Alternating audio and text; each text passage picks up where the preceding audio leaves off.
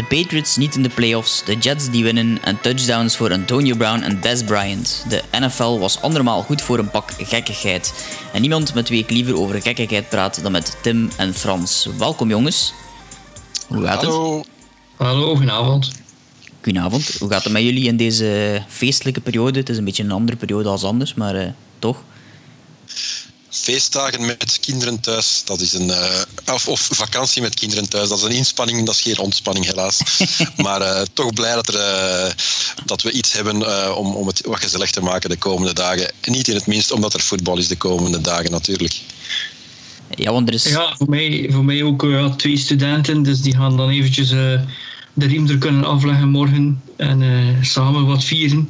We zijn al heel het jaar tamelijk veel samen geweest, maar eh, ondertussen hebben we er kunst van gemaakt om er toch iets van te maken. Dus dat wordt leuk, maar zoals Tim zegt, ja, we gaan ons niet vervelen, want er is heel wat eh, voetbal. Ja, inderdaad. Het is zelfs eh, v- eh, voetbal op kerstmis. Hè?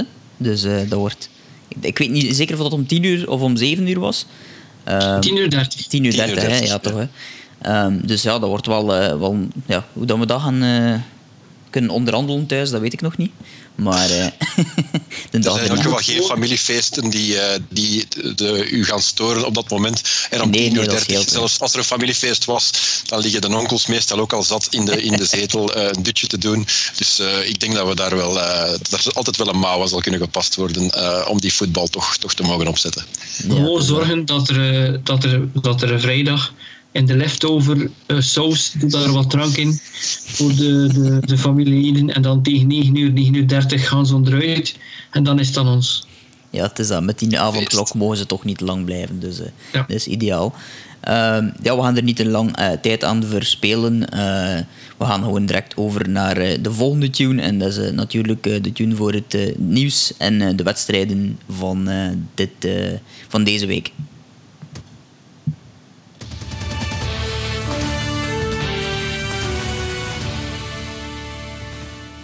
Ook in 2021 zal er een Pro Bowl plaatsvinden, alleen zal deze niet, niet eh, plaatsvinden uit een stadion of in een stadion met fans, maar eh, vanuit een, de luie zetel van de spelers zelf. Eh, ze gaat virtueel door.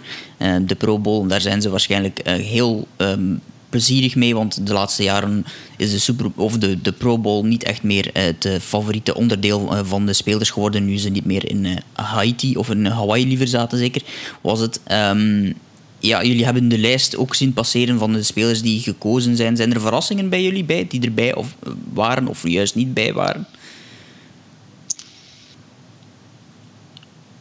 Frans? Ja, ja. Uiteindelijk, eh, die, ik denk dat er geen eh, grote verrassingen zijn. Die Pro Bowl, het is, is altijd, die, die spelers willen natuurlijk wel allemaal all-pro zijn en, en, en daartoe verkozen worden. Ehm, maar uiteindelijk zag je wel, terwijl dat eigenlijk in het begin die Pro Bowl was eigenlijk zelf een soort aanvulling van je inkomsten. Want voetbalspelers in het offseizoen eh 30, 40 jaar geleden hadden nog een job buiten het voetbal. En dan als ze in de Pro Bowl konden, dan konden ze dan nog een, eh, een, een centje meepikken. Maar op een bepaald moment werd dat dan in plaats van AFC tegen NFC een soort fantasy draft met eh, Jerry Rice en, en Dion Sanders. En, en ja, het is eigenlijk altijd maar geweest wat het was. Want uiteindelijk, als je naar de Pro Bowl keek, dan zag je in principe geen defense, omdat er niemand zich wou blesseren. Eh, en was het eigenlijk ja, de, de betere spelers van dat jaar die elkaar eens tegenkwamen in Hawaii.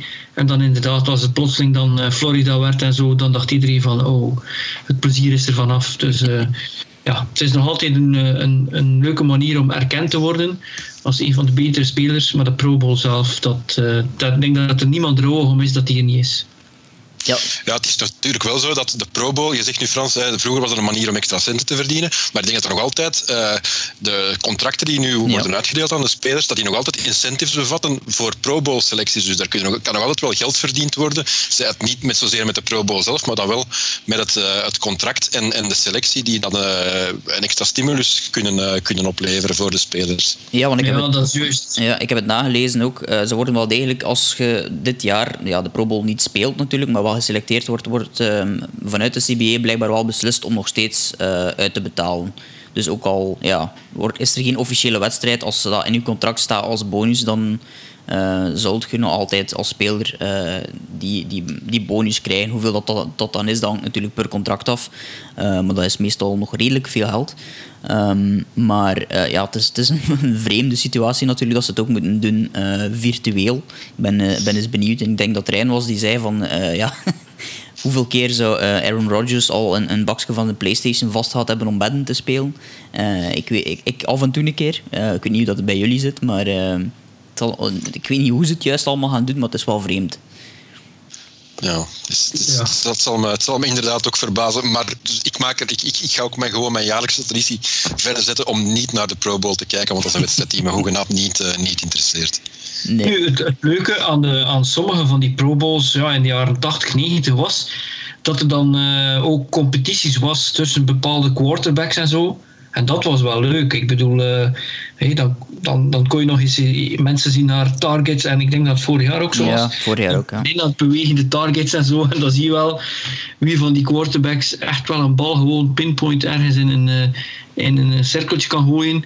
En wie, uh, wie dat eigenlijk niet zo goed kan. Dus dat is wel leuk. Maar voor de rest is het ja, spielerij. En wat je zegt van dat het in contracten staat. Ja, sorry. Als mijn agent zou zeggen tegen mij: Ik heb een contract voor je bedongen. En een van de grootste stukken die erin komt is als je de Pro Bowl haalt. Dan neem ik een andere agent, denk ik. Maar het is ook zo, de, de Pro Bowl, die spelers worden geselecteerd op basis van een fanvote. Hè. Dus dat is in feite zelfs geen, geen, geen kwaliteitscriterium, het is een populariteitswedstrijd. En, en ja, als je, als je daarvan moet afhangen, van, moet afhangen om je centen te verdienen, dan, dan de Frans, dan geef ik u wel gelijk. Want, want het, uh, ja, als uw centen betaald worden, eh, of bepaald worden door de grilligheid van, van de fans en uw populariteit, uh, ja, dan, dan, dan, dan, dan denk ik niet dat je er goed voor staat. Uh, als je, als je ja, op bepaalde posities bijvoorbeeld, um, ja, geen, geen echt fan van, dat, van die setup. En als de beste inside linebacker van de NFL toevallig ergens speelt die niet in uh, primetime veel getoond wordt, voilà. dan, uh, dan heb je het vlaggen. Ja, klopt. En voor, voor mensen die zich nu misschien afvragen, de Pro Bowl bestaat en de Pro Bowlers kennen we en we kennen ook All-Pro. Uh, bij de All-Pro's zijn het de journalisten, denk ik, hè, die, uh, die stemmen. als ik me niet vergis, zijn er ook minder plaatjes in het, uh, in het All-Pro-verhaal. Ook omdat het niet, geen, niet, geen echte wedstrijd is natuurlijk. Ja, het, is, het, is geen, het is geen competitieformaat. De spelers die naar de Super Bowl gaan, gaan anders nooit naar de Pro Bowl. Dat verhaal is natuurlijk in de All-Pro niet, niet het geval. Um, maar ja, daarom is het verschil tussen de Pro Bowl zijn de fans en uh, de journalisten stemmen eigenlijk voor, um, of een beperkt aantal journalisten alleszins, uh, stemt voor, uh, voor All-Pro. Hetzelfde voor ook MVP bijvoorbeeld. Die stemmen ook, er wordt ook door een bepaald comité van, ik denk maar 30 mensen uiteindelijk gekozen. Oké, maar dan um, denk ik dat we de Pro Bowl kunnen laten voor wat hij is, virtueel of, of niet. ja, met nog, er was eigenlijk één groot nieuws, denk ik. Uh, deze ja, afgelopen speeldag, er meerdere nieuws natuurlijk, maar eentje die toch een, uh, serieus uh, verrassend was. met nog twee speeldagen te gaan is het plots bovenaan en onderaan de ranglijsten spannend. En het grootste nieuws kwam ja, toch zondag toen dit gebeurde. There's a formation foreign to Jets fans. The victory formation. Sam Darnold coming home, his first 200 yard game since week four, and the Jets take a knee. Gave you their best shot, and it was better than yours today, and out went the number one seed opportunity for these Rams in the playoffs. Ja, geen uh, number one seat in uh, de playoffs voor de Rams, maar toch ook een, ja, een beetje het schaamrood op de wangen. De vorige keer toen dat we hier zaten in dezelfde formatie, denk ik, uh, met Tim en Frans, was er die zero blitz dommigheid van, van Greg Williams, die zijn job kostte tegen de Raiders. Maar nu staat er plots een, een W en ja, de kans op Trevor Lawrence die lijkt verkeken. De Jets hebben de number one pick in de draft op dit moment. En de kans is ook groot dat dat zo zal blijven. Uh, had iemand van jullie twee dit zien aankomen? Niet deze week. En niet, te, niet tegen een, een Rams-ploeg die nog alles heeft om, om voor te spelen. Um, ik, weet, ik weet niet van waar het komt. Uh, de, waar men, waar, waar die, die, spelers ineens de motivatie hebben gehaald. Ik denk dat het eerder is de Rams die de wedstrijd hebben verloren dan, dan de Jets uh, die de wedstrijd hebben gewonnen. De Rams hebben zich denk ik laten verrassen. Uh, zijn, zijn snel op achterstand gekomen en hebben niet echt een vuist kunnen maken achteraf. Ze zijn ook hun, het speerpunt van hun offense Van de laatste weken. Um, met Cam Akers zijn ze voor een deel van de wedstrijd kwijtgespeeld door een, door een blessure. En die is nog wel teruggekomen, maar die heeft is daarachter ook niet echt uh, helemaal meer zijn, zijn, zijn oude zelf geweest. En die zal trouwens ook de rest van het seizoen waarschijnlijk, of de rest van het regular season uh, missen. Maar ik, ik, ik, heb geen idee van waar het komt. En als je dan ziet op, op, het einde hoe ze dan die laatste first downs nog binnenhalen, daar gaan ze even uh, opa Frank Gore, um, de laatste... Met een passplay, met een pas, ja, die, die, die, uh, die, die, die laatste beslissende first downs nog laten binnenhalen. Het is, uh, het, is, het is licht onvoorstelbaar, maar het is wel gebeurd. Ja, ik denk wel, als je de match tegen de Raiders had gezien en een paar eerdere wedstrijden, dan had je toch wel het gevoel van, ja, ik weet niet als dat team aan 0 en 16 gaat eindigen, maar natuurlijk hoe langer het duurde, hoe groter de kans was. Dus met, die, met de Raiders was wel een beetje een wake-up call, denk ik, voor ons en voor iedereen. Maar daarnaast merk je wel, uh, hoe heet die kerel? Is Quinnen, Quinnen Williams? Of, ja, uh, Quinnen Williams, defensive tackle. Die Quinnen, die Quinnen Williams die speelde de plannen van het tak. Uh, uh, Marcus May. Um, die Marcus, Darnold, Marcus ja, May, ja, Marcus May is echt wel een van de betere safeties op dit moment zelfs. Ja, en dan is het zo dat, uh, dat dat team dan waarschijnlijk toch wel iets beter is dan hun record uh, tot nu toe toonde. Maar ik, ik moet Tim wel bijtreden. Ik, ik had, totaal geen idee dat de, Rams, uh, dat de Rams het zo zouden laten liggen. je hebt toch wel het vermoeden dat de Rams toch wel een degelijke defense hebben. Dat ze toch op offense wel wat wapens hebben. En dat die Goff toch wel een serviceable quarterback is. En dan zou je de, de Jets toch moeten aankunnen. En dit was een totale verrassing voor mij ook. Ja, het was een off-day uh, op zijn minst gezegd van, uh, van de Rams. En het kost hen uh, ja, redelijk veel in, in de playoffs. We zullen nog zien hoe.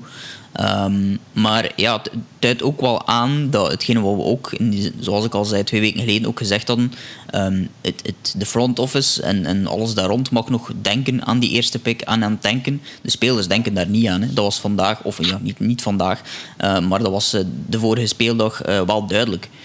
dat ze er wel willen voor gaan en dat het is toch wel zo'n soort van ja, wraak ook, denk ik, voor heel wat spelers die, die uh, de voorbije weken en maanden hebben moeten horen dat, dat het allemaal maar tanken is en dat ze 0 en 16 willen gaan. Maar er is geen enkele speler die dat op zijn, uh, op zijn record wilt. En dat hebben ze nu al bewezen. Uh, dus op een of andere manier heb ik dan ook wel heel veel respect voor die spelers. Dat ze dan toch blijven ja, aanhouden en, en de aanhouder wint. En, en hoe blij de fans daarmee zijn, dat weet ik niet. Uh, ik weet het wel. Er is één fan en die ga ik jullie laten horen. Een, een heel vocale fan voor de mensen die op YouTube geregeld passeren en die hem ook op Game Day Live zien. Rich Eisen is een grote fan van de Jets, ook al hele lange tijd. Ik weet ook niet hoe dat die mens dat volhoudt, maar die had er op de, de dag zelf het volgende over te zeggen. My child yesterday Cooper, age nine, looks at me and he goes, Dad, are you so, so, so upset that the Jets won today? Three, Three so's? Yes. And I said to him, Yes, Cooper, I am. Very, very, very. yes, Cooper, I am. oh. Ja, want dat was uh, natuurlijk het, probleem met uh, deze overwinning. Die eerste pick die er niet meer kwam. En we gaan het volgende week uh, uitgebreid met Dirk over de andere mogelijkheden in de draft hebben. Maar natuurlijk, Trevor Lawrence, die lijkt nu weg. Um, ja, is daar op een of andere manier... Ja, hoe gaat een, een, een, team daarmee om? Is, is er daar iemand die een idee van heeft hoe, hoe, ja, hoe Trevor Lawrence zich nu moet voelen op dit moment? Want het is ja, ik, ik, eerst, Vooral opgelucht, hè? Ja. Ja, maar, eerste wat ik wou willen zeggen is dat het idee van te tanken, dat gelijk wie dat denkt, kan dat echt wel gewoon vergeten iedere speler in de NFL, als die nu in een goed terrein of een slecht terrein team speelt, iedere play die hij doet, die wordt uh, beoordeeld. Zowel door zijn eigen team als door zijn tegenstanders. Dus die spelers spelen voor zichzelf, die spelen voor een contract, die spelen voor een carrière. Er is niemand op geen enkel team die gaat tanken uh, uh, door zelf dingen te doen die ervoor zorgen dat het team verliest. Dat ga je niet hebben. Wat je wel hebt is, is dat een team natuurlijk, de infrastructuur van dat team, de general manager, de eigenaar, de coach kan er eventueel ook in betrokken zijn als ze hem beloofd hebben dat hij mag blijven omdat er rebuilding is. Dat hij gewoon te weinig wapens hebben en, en draft choices uh, spelers voor, voor, voor, voor picks weggeven en, en noem maar op, zoals we de Dolphins hebben zien doen.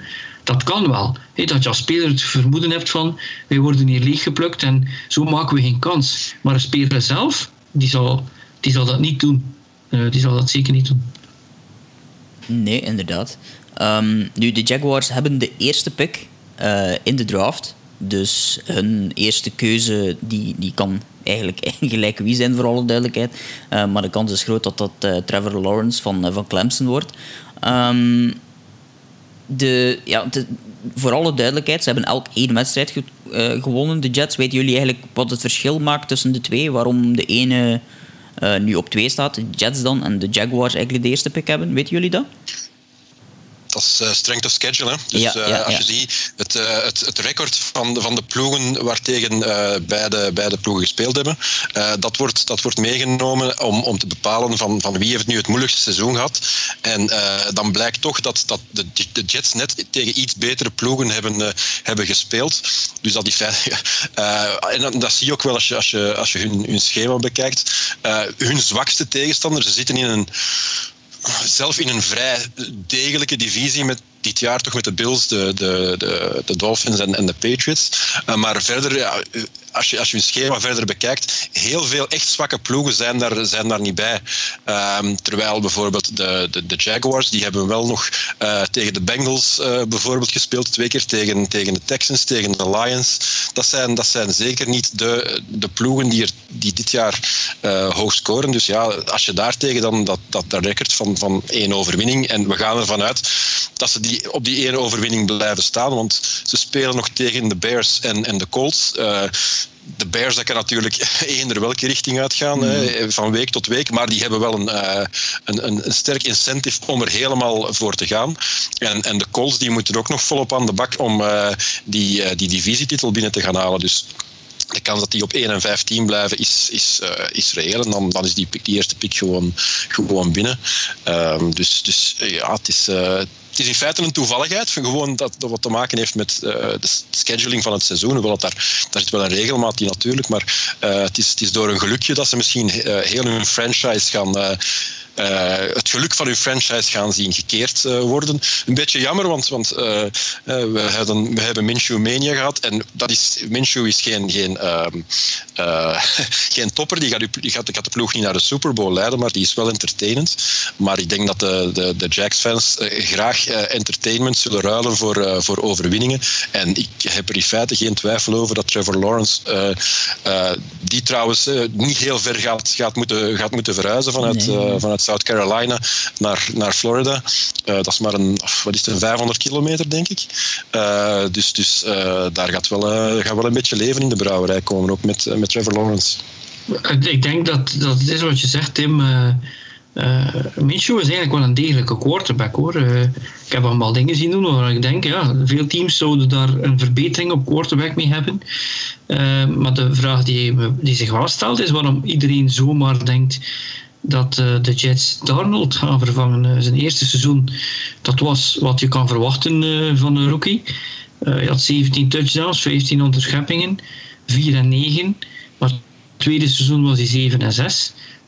19 touchdowns, 13 onderscheppingen, completion percentage van 62. Dan had hij al ook een, een quarterback rate van 85, dus je dacht dat gaat ergens naartoe. Maar dan dit seizoen is het gewoon ja, slechter geweest. Hij wint geen wedstrijden, heeft meer interceptions dan touchdowns. Zijn completion percentage is naar beneden. Zijn quarterback rating is minder dan zijn eerste seizoen.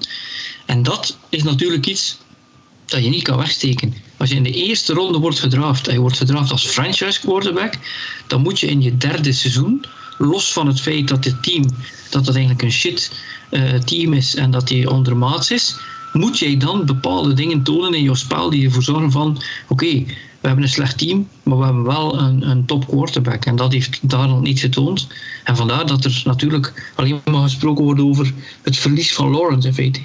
Ja, inderdaad. En zoals al gezegd, zelf zegt ook een, een slecht team. Dat is bijvoorbeeld bij, bij de Texans ook wel het geval. Maar Sean Watson, om het dan nog eens over die Pro Bowl te hebben, is wel een Pro Bowler. En die heeft ook duidelijk getoond dat hij wel nog altijd iets kan. Het is ook wel mogelijk om, om, om een team eh, hoger te brengen. Dat heeft hij inderdaad niet gedaan. Ehm, Tim, ging nog iets zeggen, denk ik. Ja, gewoon uh, als, je, als, je, als je Dirk hoort vertellen over wat, wat Sam Darnold waard was, uh, komende vanuit, vanuit college.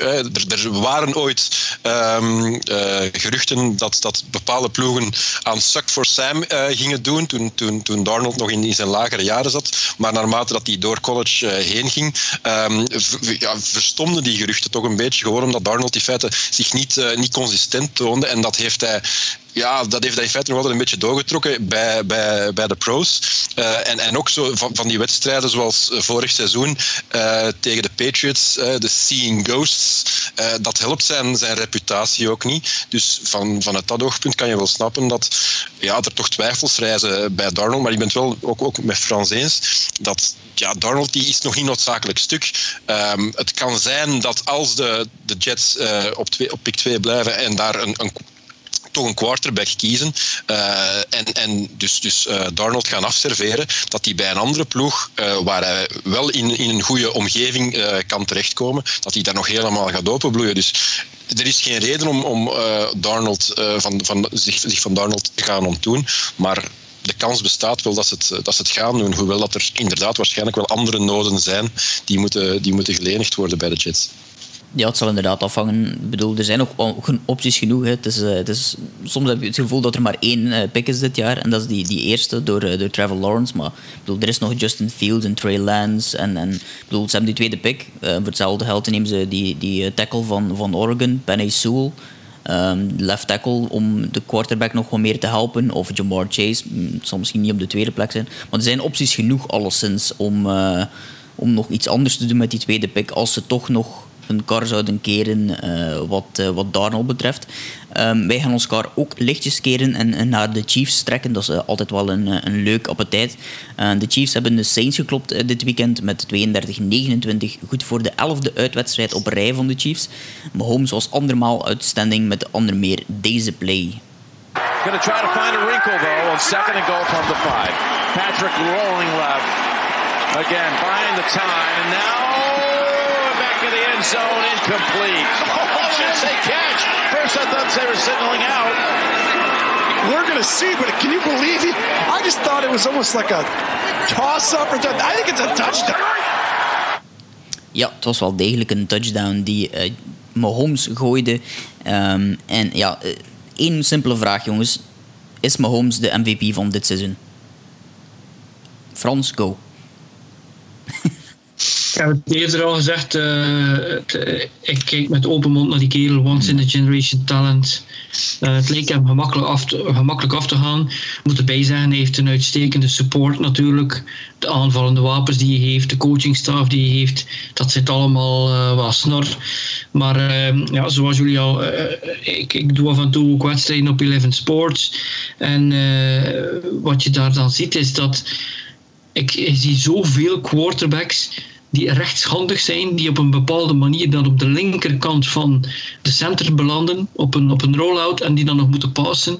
En je ziet hoe aards moeilijk dat is. En die touchdown die je nu net in, uh, in het, uh, het fragment liet horen, dat, dat, dat is bijna niet te bevatten. Dat dit kan op die plaats, dat die bal daar belandt wat die, die man met zijn lichaam kon doen, misschien door zijn baseballachtergrond.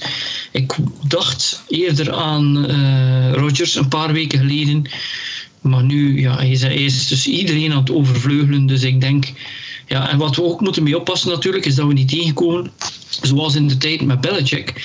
Er moest ieder jaar een coach van het jaar gekozen worden. En eigenlijk de helft van de keren dat hij in de Super Bowl belandde of hem won, had hij niet het beste team. En toch was hij uh, meestal het beste team of in de Super Bowl.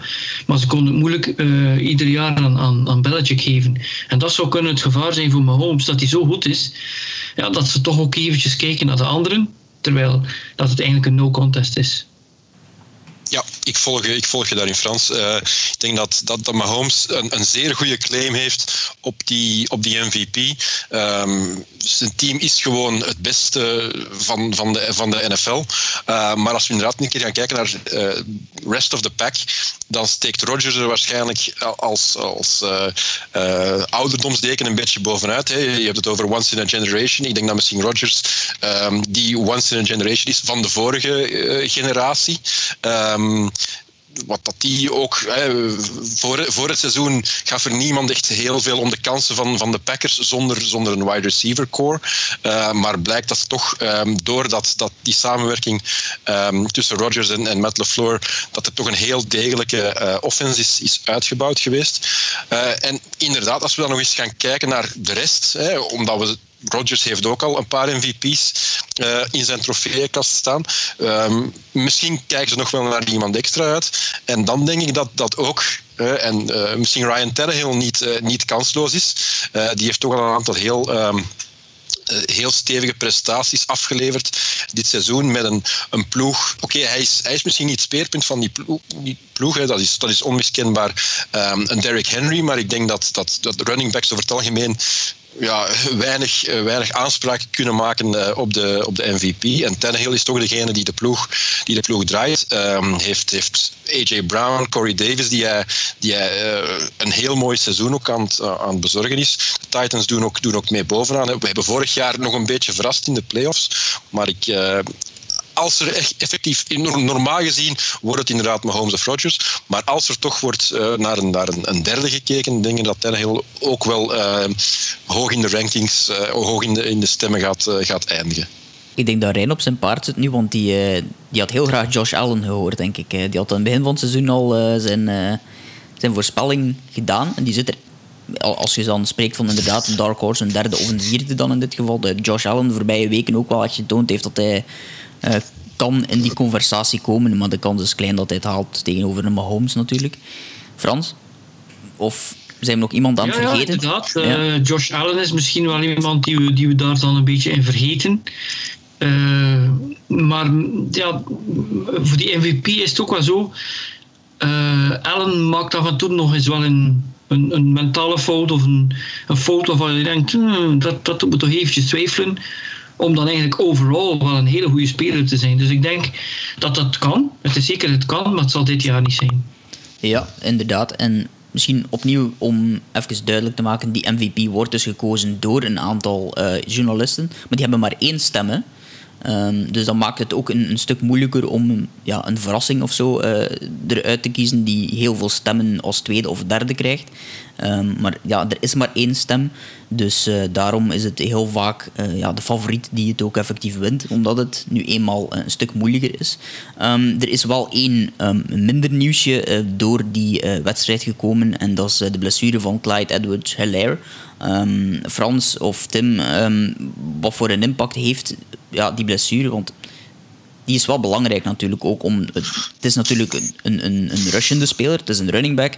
Maar hij is ook wel belangrijk om net die passing game op te zetten ik, zou, ik zou het toch niet gaan overschatten, de impact van die blessure.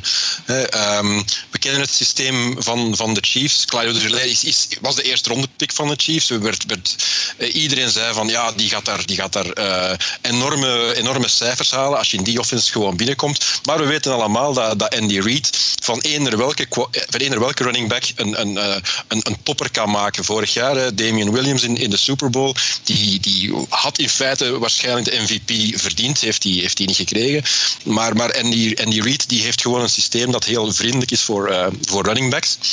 En um, daar, daar zal, zal Clyde de ongetwijfeld van hebben kunnen profiteren. Maar desondanks dat vind ik dat hij toch geen, geen geweldig opvallend uh, seizoen heeft gespeeld. Ook wel omdat natuurlijk de Chiefs in het midden van het seizoen Le'Veon Bell um, van de, de, uh, de trash, trash pile hebben, hebben opgepikt nadat hij gekut was door de, door de Jets. Dus uh, Bell is iets ouder, maar dat is nog altijd een zeer, zeer, zeer degelijke uh, running back. Die, uh, dat, die heeft geduld, die heeft visie. Die krijgt, gaat nu de, de kansen zeker, uh, zeker krijgen. En ik denk dat de laatste, de laatste paar weken van het, van het regular season, dat Bell wel eens heel veel yards en, en waarschijnlijk zelfs ook een paar touchdowns, zowel qua rushing als qua receiving, gaat, gaat kunnen verzamelen. En ze hebben ook nog ja, Daryl Williams, een beetje afterthought als, als de andere twee gezond zijn, maar die heeft toch ook al wel in de wedstrijden waar hij zijn kans heeft gekregen bepaalde, bepaalde mooie zaken laten zien. Dus ik denk niet dat we echt heel veel uh, um, impact op het spel van de, van de Chiefs uh, gaan zien omdat ze andere running backs hebben, maar ook omdat ze zoveel uh, andere wapens hebben op receiver, op, op tight end, dat, er, uh, dat, we echt, uh, dat er echt een probleem gaat zijn. En Edward Hilaire zal ongetwijfeld met open armen verwelkomd worden wanneer de playoffs starten. Maar um, tot, tot dan denk ik niet dat iemand zich zorgen maakt in Kansas City. En de, de Chiefs die zijn ook eigenlijk bezig met een soort trendbreuk. Want normaal gezien was de, was, was de trend altijd: je hebt gewoon een running back nodig. Waarom? Je, je probeert voor te komen, je defense probeert de anderen tegen te houden. En op het einde sta je voor en dan met je running game kan je de klok doorlopen en zo win je. Maar de Chiefs hebben dat niet nodig. De Chiefs die kunnen gewoon in de vierde quarter, als ze voorstaan, blijven passen. Want uiteindelijk al die korte passes die je gooit, naar zijn tight ends, naar zijn running backs, dat zijn eigenlijk allemaal verlengde handoffs. Dus de Chiefs hebben er eigenlijk veel minder last van als een running back dan eventueel geblesseerd is. Want ja, ze, de run is eigenlijk voor hen ja, niet het belangrijkste. Het is de pass die het belangrijkste is. Ja, klopt. En dat helpt ook natuurlijk wel als je uh, Patrick Mahomes hebt.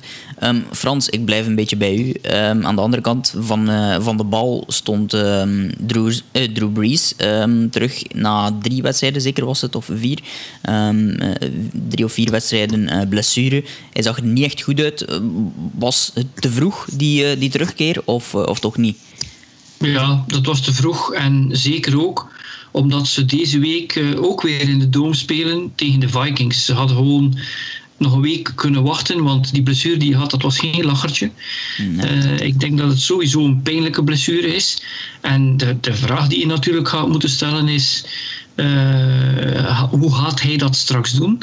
Als zij dan eventueel uh, up north moeten gaan, nee, in, uh, eventueel in Green Bay of, of ergens waar je niet zomaar in die doom zit, maar waar, waar het waait en waar het regent en waar het koud is.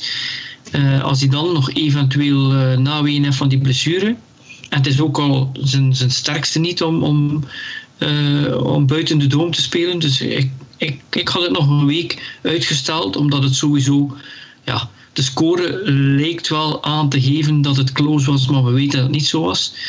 Uh, maar ja, natuurlijk, die gast heeft ook zijn trots natuurlijk. Als een starting quarterback verliest normaal gezien niet zijn positie uh, door uh, blessure, zegt men. Dus als hij terug is en hij zegt ik ben fit en hij toont het ook in de trainingen, ja, dan kan een coach in principe daar ook niet echt rond. Zeker niet zo iemand zoals Brees. Maar ik ging, er nog een, ik ging hem overtuigd hebben om nog een weekje te wachten het getuigt ook van weinig uh, vertrouwen, vind ik ook, in, uh, in, in Taysom Hill. Toch, dat men toch zegt van oké, uh, de Chiefs zijn er, laten we toch maar een half fitte Drew Brees opstellen. Ik vond het niet echt meteen... ja, hij heeft zichzelf ook af en toe een beetje kunnen overtuigen, Taysom Hill. Ehm, maar toch te weinig, denk ik, om, om die future te zijn die men hoopt, denk ik dan toch. of heb ik iets gemist? Ik vond vooral dat, dat, de, dat de Saints hier een behoorlijk groot, groot risico namen door, door Taysom Hill in zijn, meteen terug in zijn gewone rol te gaan, te gaan uitspelen, weten dat, dat, eh, dat James Winston net op de COVID-list uh, was gezet. Dus er was in feite ja. geen backup QB. Als Taysom Hill daar uh, in, in een of andere run uh, een harde hit krijgt en, en die, die speelt niet meer, Breeze krijgt er ook nog eens een hit, het, is misschien, het zou misschien een toevalligheid zijn, maar het, het kan zeker. En dan zit je daar zonder, uh, zonder speelbare quarterback. Dus ik vond wel een, een, een bepaald risico dat, uh, dat, dat Sean Payton daar inderdaad nam. Maar ja, Taysom. Uh, in welke mate gaat, gaat, die, gaat die in zo'n wedstrijd wel het verschil kunnen maken? Hè? Ik denk dat de, de, de Chiefs wel um, voldoende voorbereid zouden geweest zijn op de eventualiteit dat, dat die het, uh, dat, dat Hill het zou, terug zou overnemen. En ik denk niet dat de Saints dan een betere kans uh, zouden hebben gemaakt. Het zou misschien zou zeker een andere wedstrijd geweest zijn, maar ik denk dat het resultaat wel, wel hetzelfde zou geweest zijn. Ook omdat je wel zag, Breeze die had zeker in het begin, uh, ik denk dat voor, voor de eerste keer in zijn carrière geloof ik dat hij 0 op 5 gooide in, in het begin van de wedstrijd. Maar in de tweede helft kwam hij er wel, wel duidelijk door. En de Saints hebben er ook nog een spannende wedstrijd van gemaakt. Maar um, ja, uiteindelijk tekort gekomen. Maar Hill, is ook een beetje een statistisch enigma als quarterback. Hè. Uh, in zijn drie wedstrijden dat hij startte, 78%, 73%, 74% completion percentage. Telkens een quarterback rating van boven de 100. Dat zijn zaken als je een, een quarterback laat starten en die is jong en, en die moet dat voor het eerst doen, dan denk je, we hebben hier onze franchise quarterback gevonden. Maar als je dat de wedstrijden zelf ziet, dan zie je gewoon dat de tegenstander gewoon weet wat de beperkingen zijn. En dat de tegenstander gewoon weet van als we hem maar in de hoek krijgen van waar we hem willen, dan hebben we hem onder controle en kunnen we eventueel uh, ervoor zorgen dat we hem beperken tot wat hij maar kan. En dat is het gevaar. En ik denk dat de tegenstanders en ook de coachingstaf van de Saints het gezien hebben. Weet je, Taysom Hill is een, is een, een Zwitser zakmes die we voor alles kunnen gebruiken. En wat een luxe dat als we ooit onze starting quarterback of onze backup hebben die geblesseerd is, dat we die kerel hier hebben. Maar op een of andere manier is er geen geloof dat hij ook uh, gewoon voor hen de toekomstige starter zal zijn. Nee, dat, uh, dat lijkt me ook niet. in die toekomst, uh, dat wordt dan nog wel, wel plezant om te volgen daar in New Orleans. Het is tijd om over te gaan naar Pittsburgh. Ehm, daar waren de Steelers lange tijd ongeslagen. Elf wedstrijden op rij gewonnen. Ehm, maar ze hebben ondertussen drie wedstrijden op rij verloren. en deze week was het vooral Juju Smith-Schuster die alle aandacht op het eiste door opnieuw een TikTok-filmpje op te nemen en te dansen op het logo van de tegenstander. de Cincinnati Bengals, voor alle duidelijkheid, was dat. Maar cornerback Von Bell die nam heerlijk wraak met deze boom. There's some pressure from the Bengals. Roethlisberger, Juju Smith-Schuster is blown up, and the whistles blow. The ruling on the field is an incomplete pass. Ja, het was een incomplete pass en een incomplete dance ook een beetje op die manier. Uh, ja, eerst vooral naar die Juju. Uh, waarom de tegenstander eigenlijk uitdagen op deze manier. En, en dan ga ik vooral naar Frans, die uh, de sport al zo lang volgt. Heb jij ooit al een, uh, een raarder een dansverhaal gehoord in de NFL dan dit? Kijk, wat ik daar kan op zeggen als, als ex-headcoach. ik was een, uh, een, een, een winning headcoach. En ik was geen old-school headcoach en van run en a cloud of dust en zo. Maar wat er wel was bij mij is simpel. Alles wat de aandacht afleidt van de prestatie of van winnen, is storend en gaat niet gebeuren. En dat zou ook bijvoorbeeld niet gebeuren bij eh, Bill Belichick. En als speler is het zo van act like you've been there before, be professional en dat is wat je moet doen. En alles daar rond, ook al is Tomlin een coach die zijn spelers daarin vrijlaat en die eigenlijk wel echt een playerscoach is en allemaal, ik kan je verzekeren dat het hem ongelooflijk irriteert dat de aandacht daar naartoe gaat. Want American football is zo'n soort sport waarin soms het beste team niet wint, omdat het andere team uit iets zijn motivatie haalt. Is dat dan, we zijn aardsvijanden, ik heb ooit nog bij jou gespeeld, ik heb dit, en is het dan je danst op mijn, op mijn logo, het doet er niet toe. En je hebt dat als coach volledig niet nodig. En in principe is het gewoon belachelijk uh, dat ze zich daarmee bezighouden. Uh, ja, dat is mijn mening. De... Juju Smith-Schuster is, is lang een van, of is sinds in feite het begin, was, was denk ik een van de jongste spelers ooit in de NFL wanneer hij als rookie eh, startte. En uh, zijn, zijn ja, iets wat kinderachtig gedrag, laat, laat het ons, of kinderlijk gedrag, laat het ons zo noemen, dat werd, werd toen ervaren als, als heel sympathiek. Hè. De manier waarop hij zijn, zijn touchdowns vierde. Maar met die dansjes die hij is beginnen doen op, op het logo, ja, dat werd als uiteraard als, als disrespectful gezien. En daarmee is zijn populariteit ook wel stevig, uh, stevig gekelderd.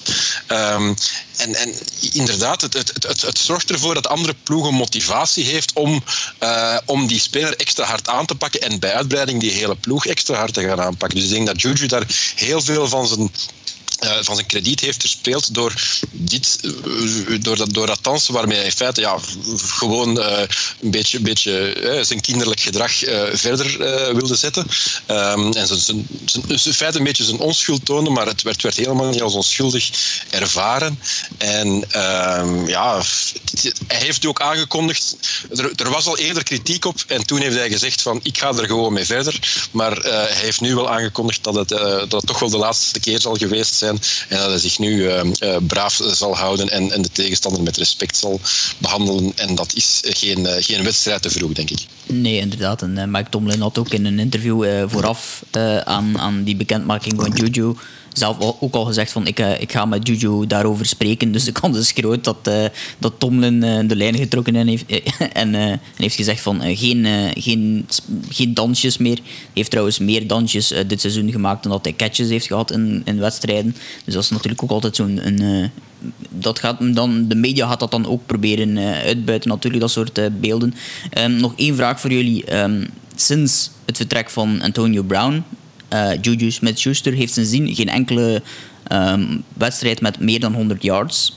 Hij heeft natuurlijk ook al mee geprofiteerd van Antonio Brown in der tijd. En heeft die status van toen eigenlijk niet echt meer kunnen, uh, ja, kunnen verder zetten, toch? Mag, mag ik jou een vraag stellen, uh, Laurens? Zeker. Dus stel dat je bijvoorbeeld nu een, een AB op zijn top, dat je die terug zou kunnen krijgen bij de, bij, de, bij de Steelers uh, met zijn regelmatige 100 yards. Of je zou als general manager van een team of headcoach van een team het volgende mogen krijgen. Juju Smith-Schuster, 24 jaar, 82, 82 receptions, 7 touchdowns. Deontay Johnson, 24 jaar, 77 receptions, 6 touchdowns. Chase Claypool, 22 jaar, 53 receptions, 8 touchdowns en 2 rushing touchdowns. En James Washington, 24 jaar, 28 catches, 5 touchdowns. Ja, dat Wat heb je liever? Wat heb je liever? Antonio Brown of hier deze rijkdom aan uh, jonge receivers? Ik zal het zo zijn. Als ik coach ben, dan ga ik misschien eerder voor uh, Antonio Brown, omdat hij mij direct wedstrijden gaat doen winnen op een moment dat ik het op, die, op een of andere manier nodig heb. Maar als, als GM die op meer lange termijn denkt, ja, geef mij maar de offense van nu. Hè, want dat is degene die je nu, de spelers die je nu noemt, zijn de offense van nu natuurlijk. Um, ja, inderdaad, ik begrijp waar wat uw punt is, maar, maar ja. Frans, wie is, volgens jou dan nu de killer? Wie is de go-to guy van, van de Steelers? Als ze een wedstrijd moeten winnen, everything on the line, naar wie gaan ze de bal dan gooien? Ik, ik, ik heb er, ah ja, uh, Deontay Johnson krijgt momenteel het grootste target share, maar je ziet ook de laatste weken dat dat toch niet echt... Uh, die, die heeft wel een beetje last van de drops. Uh, wie, wie, is nu degene die ze, die ze gaan, gaan, gaan, gaan targeten als, eh, als alles op het spel staat? Wat je hebt is, is dat als je een defense bent, dan kun je uh, twee dingen doen met een hele goede receiver. Je kan zeggen, we gaan hem dubbel coveren. En dan gaan we proberen uit de wedstrijd te halen, zodat ze naar iemand anders moeten gaan. Of we gaan hem gewoon single coveren, we gaan proberen iets anders te doen. Uh, we gaan proberen druk te zetten. Of, uh, en, en als ik dan een, een top receiver heb met wat anderen, of ik heb echt wel gewoon ja, volledig. Uh, en en je, zegt, de vraag die je nu stelt is van, nou wie ga je dan passen als het erom spant en als je echt die, die, die catch moet hebben. Ja, ik, ik, ik weet dat ja, dat geen, geen een van die gasten daar nu eigenlijk voorlopig zo gezegd aan voldoet, omdat hun catch percentage ook uh, soms iets minder is.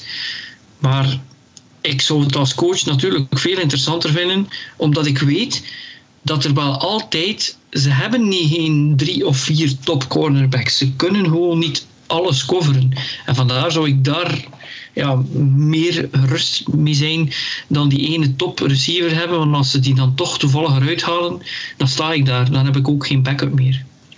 Ja, hoe groot zijn de kansen van de Steelers nu op dit moment als ze richting de playoffs gaan? Is dat een, een soort one and done? Of, of kunnen ze toch nog, dankzij die defense, uh, misschien die, uh, die, die toch wel nog altijd uh, uitstekend is, hebben ze op zich kansen in de playoffs? het is, het is dodelijk om, om in december of in de playoffs geen run defense te hebben, geen running game te hebben. En, en en een stuk van je defense die minder speelt. Eh, En eh, dat betekent dat je in de playoffs gewoon one and done eh, kan zijn. En dat, dat beseffen de Steelers waarschijnlijk wel. hè. Dus eh, eerst was het die discussie van moeten we wel 16 naar 0 gaan? Is dat geen distraction? Ja, sorry. Hier zit je met een situatie dat je, dat je gewoon aan een sliding scale zit. En dat het misschien zelfs zo is dat je het gevoel hebt dat, eh, dat ook Ruttlesburger misschien op het einde van zijn- van zijn Latijn zit. hè. Ja. Ja, Ruttersberger heeft er aangegeven dat hij nog een jaar wil, wil spelen. Maar inderdaad, die zijn prestaties de laatste jaren vooral beïnvloed door, door, door blessuregevoeligheid. Want hij heeft nu ook een paar weken geleden heeft hij daar die. Eh, hij, is dan net teruggekomen van elleboogblessure en heeft dan een paar weken geleden eh, onderuit gegaan. En beide knieën waren geloof ik eh, geraakt. Op die moment dat zal zijn mobiliteit absoluut niet, niet verbeteren. En hij was al geen al te mobiele quarterback. Dus inderdaad, Rutlisberger is daar misschien wel het, het, het, zwakke punt. En we hebben vorig jaar ook gezien hoe ver de Steelers komen zonder, zonder een Rutlisberger. Al dan niet in topvorm. Ja, en ehm, daar gaan we ehm, een mooi mee afsluiten om eh, richting nog een, een niet-mobiele quarterback te gaan. Eentje die, eh, die ook al eh, zijn jaartjes in de NFL heeft eh, gepasseerd. Om eh, de laatste wedstrijd eh, in te leiden die we vandaag gaan, eh, gaan bespreken, toch nog kort. Eh, de Falcons die, eh, gaan deze week weer dromen over de grote boze wolf eh, Tom Brady. Die na een slechte eerste helft de Bucks naar een straffe comeback leidde in de tweede helft. Een eh, herkenbaar scenario van in de Super Bowl ehm, voor beide teams. En dan toch vooral voor Tom Brady en de Falcons. En de Falcons die ja, geen voorsprong kunnen houden. En de Bucks die eigenlijk ja, consistent inconsistent zijn. Ehm, Frans, waarom zit er eigenlijk zo'n groot verschil tussen die twee helften? Waar ligt dat aan? Ja, ik, ik, ik, moet, eh, ik denk dat mensen die de, de, de sport niet zo lang volgen, die weten niet hoe belangrijk die halftime adjustment is. Dat is echt real. Hè. Eh, Dus eh, die, die, die mensen zitten heel de week daarvoor het andere team uit te pluizen. Ze hebben informatie, ze hebben dat verwerkt. Maar dan is de vraag van welk team kan dan die informatie die naar je toe geworpen wordt in die eerste helft het best in die korte tijd verwerken en ook aanpassingen doen tijdens de helft om dan terug te keren en te zien hoe het beter kan. Meestal heb je een idee gehad van hoe je het team gaat aanpakken en sommige dingen mislukken, sommige dingen lukken, maar je je weet wel wat er gewerkt heeft in het eerste helft en wat er niet werkt. Vele tight games zijn meer poker games van hey, het is third and one, logisch is dat je runt, doe je het dan wel of doe je het omgekeerde. Maar een wedstrijd waar je achter staat, daar heb je gewoon in de halftime besproken, heb je gezegd, kijk, het komt er gewoon op neer. Het idee dat we hadden om de Falcons aan te pakken eh, is mislukt. We moeten over een andere boeg gooien en we gaan dat vanaf nu doen. En het andere is natuurlijk ook wel dat de Falcons op een of andere manier telkens in de hoek zitten waar de klappen vallen, waar ze bijvoorbeeld dan eigenlijk een beslissing nemen met een voorsprong waarvan je denkt, ja maar waarom heb je nu die penalty tegen? Waarom heb je nu die sack gekregen? Dat is wat er gebeurd was in die Super Bowl met die 28-3. En hier, ja, eh, lijkt, het, lijkt het weer zo te zijn. Hè? Maar vergeet ook niet dat, eh, dat Brady natuurlijk eh, jaren heeft gespeeld voor een coach die super was in de halftime adjustment. En dat, dat heeft hij niet vergeten. Hè? Ja, en Brady is natuurlijk misschien ook wel een van de beste in het ja, verzamelen en in het filteren van al die informatie en daar effectief iets mee te doen. 320 yards in de tweede helft. Ehm, wat het meeste is in, eh, in dit seizoen in de NFL. Ehm, Tim, ik eh, schuif naar jou door. Eh, wat zijn de kansen van de Bucks in de playoffs? Ja, inconsistentie, zoals dat we het hebben gezien, dat kan in feite dodelijk zijn in, in, in de playoffs. Tegen de, de zwakkere broertjes kan je dat misschien, misschien veroorloven, maar tegen topploegen ja, eh, die, die kan die achterstand onoverbrugbaar zijn. Die, die ploegen gaan ook niet noodzakelijk het gaspedaal eh, lossen. Als ze zien, zeker in de play-offs, dan, dan is het gewoon, eh, sta je voor, oké, ga daar nog maar eens harder door en, en maak die wedstrijd helemaal af. Ehm, maar anderzijds stel ik me ook de vraag, zijn er echt zoveel ploegen in, in de NFC die, die echt consistent eh, kunnen spelen? Als je ziet wie er daar bovenaan zit, je hebt, je er wel een aantal ploegen, maar ehm, ja, ploegen als, als, als, de, als de Seahawks, eh, als, als de Rams, we hebben daar straks, daar straks nog besproken. Laat staan eh, het, eh, het Washington voetbalteam. Ja, echt, echt eh, een, een toonbeeld van consistentie zijn die ook niet bepaald. Dus ik zie ze wel. ehm, zeker, zeker die eerste wedstrijd, gesteld dat ze de play-offs halen natuurlijk, maar laat ons daar voorlopig van uitgaan, zie ik ze zeker wel, wel pakken. Um, en, en ja, dan hoe, ver, hoe ver ze gaan komen tegen de toppers, stel ik, stel ik me, ja, daar, daar twijfel ik toch wel een beetje bij. Maar al bij al, als je bekijkt wat, wat de, de Buccaneers in huis hebben, die hebben een, een, een heel, heel degelijke uh, offense qua, qua spelerspotentieel. Um, en ook op, op defense is dat een, een, heel, uh, een heel sterk geheel. Misschien is het zwakste punt nog uh, de coaching van, van, Bruce Arians, die algemeen toch wordt geroemd als, als een, zeer, um, een zeer degelijke coach, maar die ja, uiteindelijk toch ook nog niet noodzakelijk heel, het, uh, heel veel heeft um, uh, gewonnen uiteindelijk. En, en uh, misschien is dat nog wel het zwakste punt. of het moest natuurlijk Brady zijn die, die eindelijk de leeftijd, dus door de leeftijd laat, laat inhalen en, en, en op dat vlak moet, moet kraken. Um, ja, we, zullen, we zullen het zien. Ik denk wel een eindje in de playoffs, maar, maar to the big game. Het zou natuurlijk mooi zijn, want de Super Bowl wordt gespeeld in het stadion van, uh, uh, van Tampa Bay. Maar uh, het, het, er moet nog heel veel voetbal gespeeld worden voor we daar zijn. Ik denk dat er gelijkenissen zijn tussen de Bucks en de Bills. Dat zijn zo twee teams die tegen iedereen kunnen winnen, maar ook tegen iedereen kunnen verliezen. En dat is natuurlijk wel gevaarlijk, want kunnen winnen tegen iedereen ja, dan moet je er wel rekening mee houden. Dus eh, wat ze getoond hebben hier in die tweede helft, er zullen toch veel teams zijn die gaan kijken en denken van we gaan daar beter een voorsprong tegen uitbouwen, want als die dan plotseling uh, alle remmen losgooit, dan zijn we gezien. Ja, en uh, nu we toch over de Bills hebben, uh, die hebben de, NFC, of de AFC East liever um, gewonnen voor het eerst in, wat was het, 14 jaar denk ik. Waardoor Bill Belichick en de Patriots nu ook officieel uitgeschakeld zijn in de race om de playoffs. Voor het eerst in ja, mensenheugenis. Um, denken jullie dat dat eigenlijk meespeelt in het hoofd van, van iemand als Brady? Of laat hij dat toch maar passeren? Ik vermoed dat, dat Brady gewoon bij zichzelf denkt dat, uh, dat hij gelijk had om te vertrekken. Ja. Uh, ik zeg niet dat er zo'n grote discussies waren van was het nu, was nu de coach of was het de speler, was het de X's en O's of de Jimmy's en Joe's. Ik zeg niet dat dat een grote discussie was of dat hij te weinig respect zou gekregen hebben, maar ik denk dat hij wist dat het team sowieso verzwakt was of zou zijn en dat eigenlijk gewoon uh, er wou voor zorgen dat hij toch uh, voor zijn laatste jaren toch omringd zou zijn met, met, met wat wapens. En ik denk niet dat hij dat zag uh, bij de Patriots. En dat het in zijn hoofd zit. Nee, ik denk het niet. Ik denk dat, gewoon, dat hij gewoon blij is dat hij de keuze heeft gemaakt.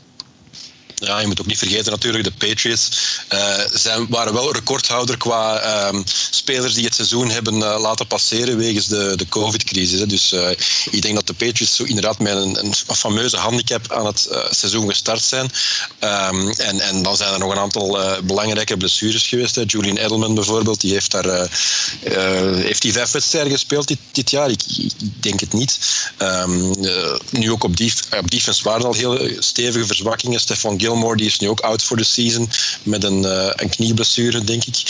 Dus uh, de, de, de, Patriots hebben gewoon ja, uh, een heel beperkt spelerspotentieel dit jaar.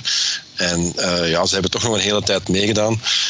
ondanks een Cam Newton ja, ik weet bijvoorbeeld Cam Newton, ik weet niet wat ik ervan moet denken naar die zijn, die zijn toekomst toe dat was ooit een, een, een dual threat quarterback. Uh, de passing threat is dit jaar denk ik voor een heel groot deel uh, weggevallen. Maar was dat omdat hij te weinig wapens had? Of was dat omdat, uh, omdat hij ja, die, dat die schouderblessures die hem uiteindelijk uit, uit Carolina hebben, hebben weggedreven, dat die hem toch nog altijd parten spelen? Ik, ik weet het niet precies. Maar de Patriots die zijn volgend jaar in de draft, zullen die zeker op een van de, de top quarterbacks gaan azen. Ja, en uh, wie dat dan uh, zal zijn, dat moeten we nog bekijken. Het is tijd om uh, over te gaan naar het volgende deel van, de, van de podcast. En dat is eigenlijk richting de playoffs. We zitten op twee weken van de playoffs.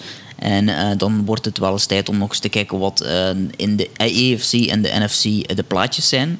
In de AFC is het op dit moment zo dat de Chiefs, de Bills en de Steelers Steelers eh, zeker zijn van een plaatje. Eh, de Titans, de Browns, de Colts en de Dolphins zijn momenteel in de hunt. De Ravens en de Raiders die kunnen er ook nog in geraken. Ehm, Frans, in de AFC, wie pakt de, de laatste plaatsen nog? eh, daar die 6, 7 en misschien ook wel nog 5. Ik vind het wat ik heel leuk vind aan de NFL is dat je ja, een paar wedstrijden voor het einde van het seizoen, dat er nog zoveel teams een mogelijkheid hebben om, om in de playoffs te komen. Dat is die parity aan de ene kant. Aan de andere kant is het gewoon ook heel veel wedstrijden worden met een touchdown of minder beslist. Dus die teams zijn elkaar wel waard. Eh, wat ik zie is de Colts zijn voor mij een beetje een soort spelbreker. Omdat ik gedacht had, de Colts uh, pre-season, dat zag er een goed team uit. Hè. Uh, de line en zo, defense, een paar goede spelers. Maar ik had gedacht dat Rivers gewoon heel het seizoen het volgende ging doen. vier touchdowns de ene wedstrijd, vier interceptions de andere. En dat ze nu ergens, ja, dat ze nu ergens op dit ogenblik 7 en 7 of 8 en 6 zouden zijn of zoiets. En dat, dat is niet uitgekomen. Um, ik dacht ook dat de Browns gingen struikelen omdat Mayfield een tijdje tijdens het seizoen wel hot en cold was. Dat was wel tijdens wedstrijden waar het weer bepalend was. Maar op een of andere manier dacht ik dat, dat hij dat niet ging volhouden. Uh, ik heb een vermoeden dat de Ravens er zullen inzitten, want die zijn echt wel nu on a roll. En dat het lastig zal worden voor de Dolphins. Uh, want die Dolphins gaan niet zomaar over de Raiders lopen. En die zullen eigenlijk moeten afwachten wat die Bills in week 17 gaan doen. Gaan die hun, hun starters laten rusten? Of, of wat gaat er gebeuren? En dan wat de Titans betreft, ja, die hebben Henry, die, die Tannehill speelt nu plotseling de pannen van het dak. Dus ik heb een vermoeden, ik zou natuurlijk wel hopen dat die Dolphins er moeten bij zijn, maar ik denk Ravens, Browns en dan of de Titans of de Colts en de Dolphins, dat zou interessant zijn. Maar ik heb een vermoeden dat het zal ten koste gaan van de Dolphins. Oké, okay, de Dolphins uh, die ten koste gaan uh, in, in de playoffs, dat is, uh, dat is, dat is in, in, principe jouw team toch, Frans? Ja, dat is mijn team, maar ik moet... Ja, ik, ik de bedoel, neutraliteit is ook, ook, belangrijk natuurlijk. moet ook objectief ja, kunnen zijn dat, natuurlijk. En, en ik zeg het, de Raiders, die, de, dat is een gewond dier. Ja. Dus dat gaat zomaar niet gemakkelijk gaan. En de Bills, ja, die zullen misschien wel... Want veel mensen denken aan de laatste wedstrijd, ja, je kunt je starters doen rusten. Er zijn teams of coaches die dat niet moeten van weten en die zeggen kom, volle gas, we zien wel, als we in de derde quarter genoeg voorstaan, kan ik je wel pullen. Dus uh, ik, ik vermoed dat de Dolphins het gaan betalen. Ja, en ik ga dezelfde vraag uh, stellen aan, aan Tim. Uh, maar ik ga eerst misschien zeggen wie er in de NFC op dit moment zeker is van een plaatje. De Packers, de Saints en de Seahawks die zijn zeker. Washington, de Rams, Bucks en de Cardinals zijn op dit moment in de hunt voor uh, de plaatjes. En de Bears, de Vikings, de Cowboys, de Giants en de Eagles die kunnen allemaal nog. Dat heeft vooral te maken met die NFC East. Tim, wie pakt daar de laatste plaatjes? Wel, ik denk, we kunnen eerst beginnen misschien met de, met de NFC East, waar het we zeker zijn dat enkel de, uh, de division winner de playoffs uh, gaat halen. Daar heeft Washington momenteel de beste kaarten. Die spelen nog thuis tegen de Panthers en, en uh, op verplaatsing bij de Eagles. Um, dat zijn misschien wel, wel haalbare kaarten. Natuurlijk voor een, voor een team als Washington. Uh, is zeker gegeven de quarterback situatie daar nu met uh, Dwayne Haskins en zijn, uh, die, die toch momenteel de first, uh, first team snaps neemt op, uh, op training en zijn, zijn stripclub uh, incidentje.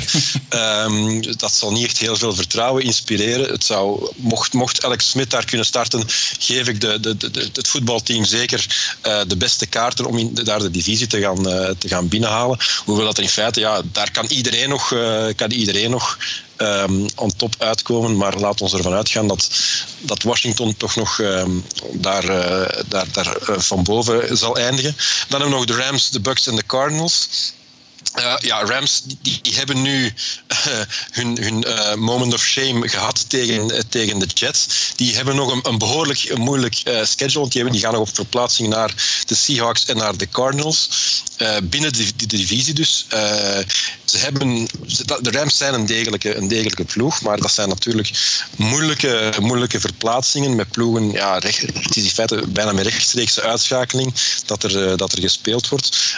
ik denk dat ze aan één overwinning Um, genoeg hebben om, om hun plaats uh, in de playoffs te, te reserveren. Dus uh, ja, kans is wel reëel dat ze het, dat halen. De Bucks ga ik er ook, ga ik er ook vanuit dat ze, het, eh, dat ze het wel zullen winnen. En dan gaat het in feite de Cardinals. ehm, eh, en waarschijnlijk heb, je nog de, de Bears en, en de Vikings. De Vikings met een verplaatsing naar de Saints deze week, die, nog, die moeten nog alles winnen. En ik zie ze eerlijk gezegd ook niet echt eh, die overwinning pakken in, eh, in New Orleans deze week. Ga dan nog tussen de Bears, de Bears en de Cardinals.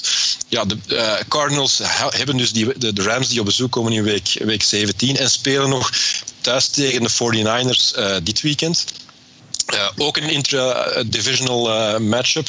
Eh, de, de, de Niners zijn al uitgeschakeld, maar ja, spelen natuurlijk wel voor hun trots. George Kittle komt daar waarschijnlijk ook terug deze week.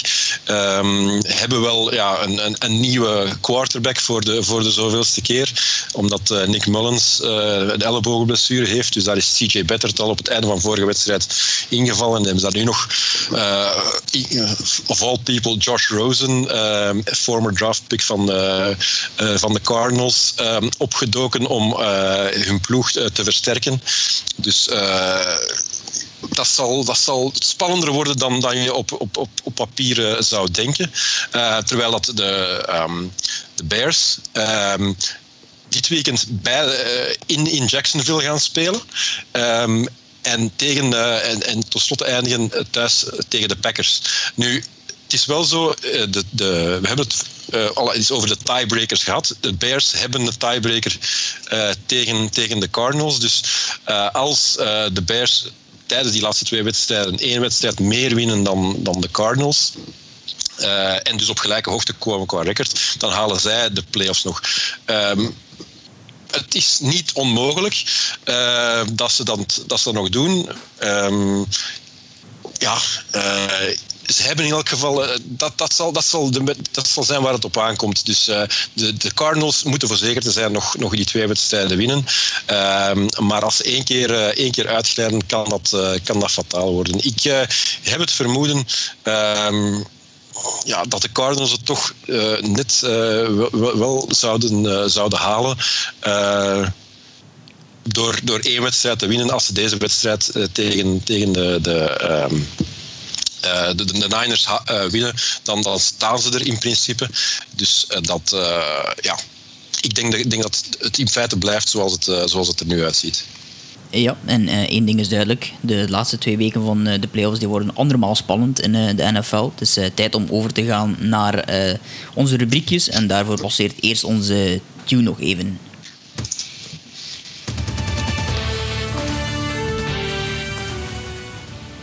En Tim, ik ga eh, meteen bij jou blijven. Speler van de week. Eh, wie heb jij gekozen? Ik heb deze week gekozen voor DeAndre Hopkins. Ehm, die eh, haalt 170 yards, geloof ik. Ehm, doet daar een aantal onvoorstelbare catches in een, in een wedstrijd die dat, eh, een wedstrijd op leven en dood voor, voor de Cardinals. Hè. We hebben het net gehad over hoe belangrijk het voor hen is om, om hun wedstrijden op dit moment eh, te winnen.